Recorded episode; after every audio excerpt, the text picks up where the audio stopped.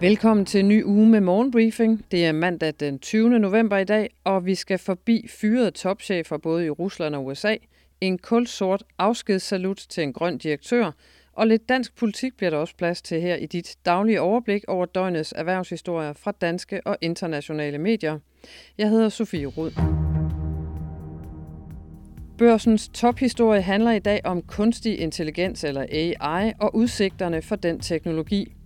For konsulentfirmaet McKinsey har med hjælp fra 400 eksperter gennemgået 2300 arbejdsopgaver og vurderer, at teknologien bag ChatGPT kan overtage hver femte danske arbejdstime, altså 20 procent.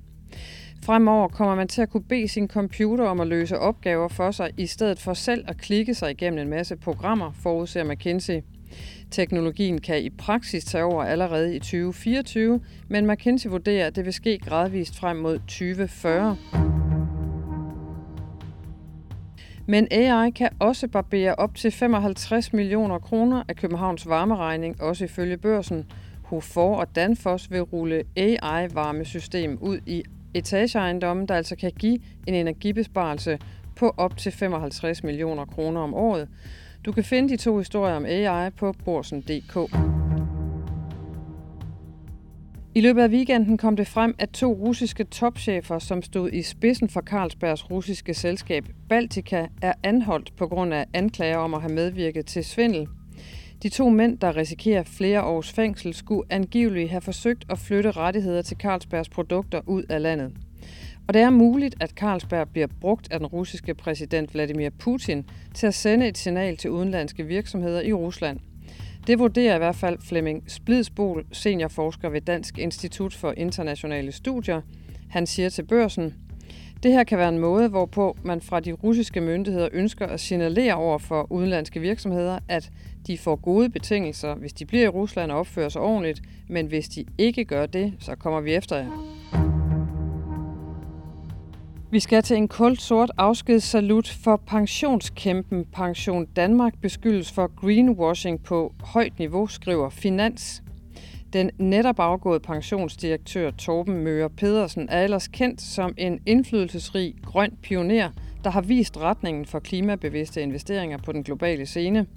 Men i løbet af hans sidste år som administrerende direktør i Pension Danmark nød kulsorte energiselskaber godt af medlemmernes penge. Siden oktober 22 har pensionsselskabet brugt et 60 millionbeløb på at investere i 17 nye selskaber, som i betydelig grad har aktiviteter inden for kul. Det viser en kortlægning, som mediet Danwatch har lavet sammen med Finans.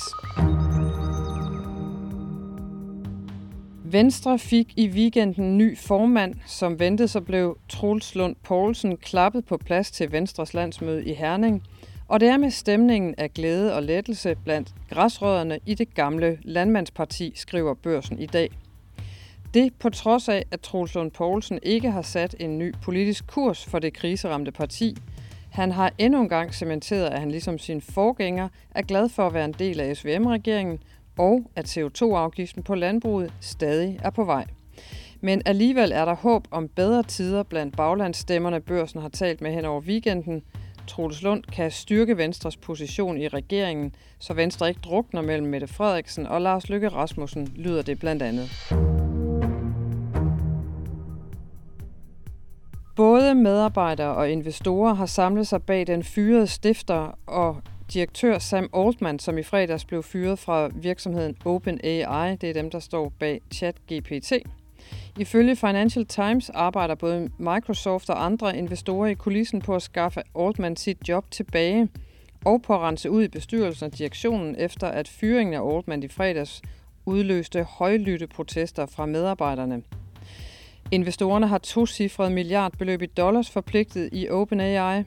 Ifølge Bloomberg blev Altman fyret, fordi han var kommet på kant med bestyrelsen efter selv at have forsøgt at skaffe investorer til nogle nye tech-startups på siden af OpenAI. En aftale mellem Hamas og Israel om at frigive nogle af de israelske gisler, som blev taget under angrebene 7. oktober, nærmer sig en løsning, skriver flere internationale medier. Washington Post citerer den amerikanske vicenationale sikkerhedsrådgiver John Feiner for at sige, at der er gjort betydelige fremskridt i forhandlingerne, som ledes af Katar. Ifølge mediet vil aftalen indebære flere dages pause i kampene. Præsident Joe Biden har tidligere støttet Israel i at modsætte sig en våbenhvile med Hamas, men en flere dage lang pause vil angiveligt være nødvendigt for at gøre det muligt at flytte gislerne sikkert ud af slagmarken, siger John Feiner altså ifølge Washington Post. Et hurtigt kig på fredagens aktielukkekurser. Fredag lukkede de amerikanske aktiemarkeder i små plusser. S&P 500 og Nasdaq steg begge med 0,1 procent efter en dag, hvor der ikke var den store interesse fra sælgersiden. Herhjemme gik Københavns fondsbørs på weekend med en noget større stigning, nemlig et plus på 1,6 procent. Og hos Børsen Investor er der mere aktiestof til dig.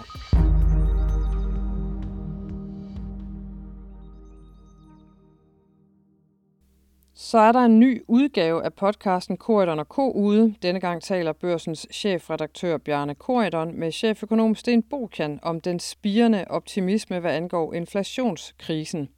Renterne er drønet ned den sidste måneds tid, og aktierne har genvundet terræn. Men ifølge Bokan gives der ingen garantier. Lyt med her.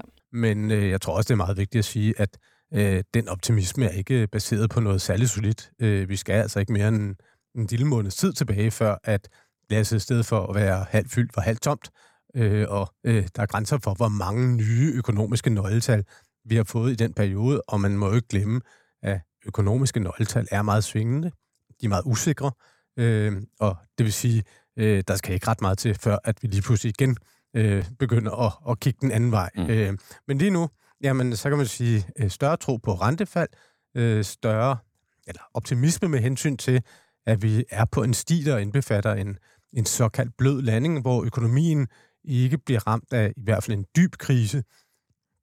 Men øh, tingene er altså stadigvæk så wobbly, at øh, jeg vil ikke satse hverken min egen eller mine børns opsparing på det, og hvis jeg var øh, virksomhedsleder, så ville jeg bestemt heller ikke øh, satse min, min virksomhed på et bed, der hed, at det er også der, vi, står, når vi sådan kigger et halvt eller et helt år frem. Øh, fordi lige nu, jamen, så er udfaldsrummet ekstremt stort.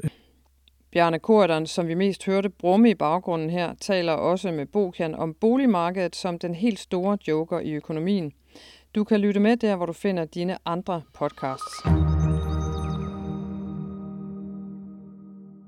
Så fik vi skudt ugen i gang. Tak fordi du lyttede med. Vi er tilbage igen i morgen med mere morgenbriefing. Jeg håber, du får en rigtig dejlig mandag.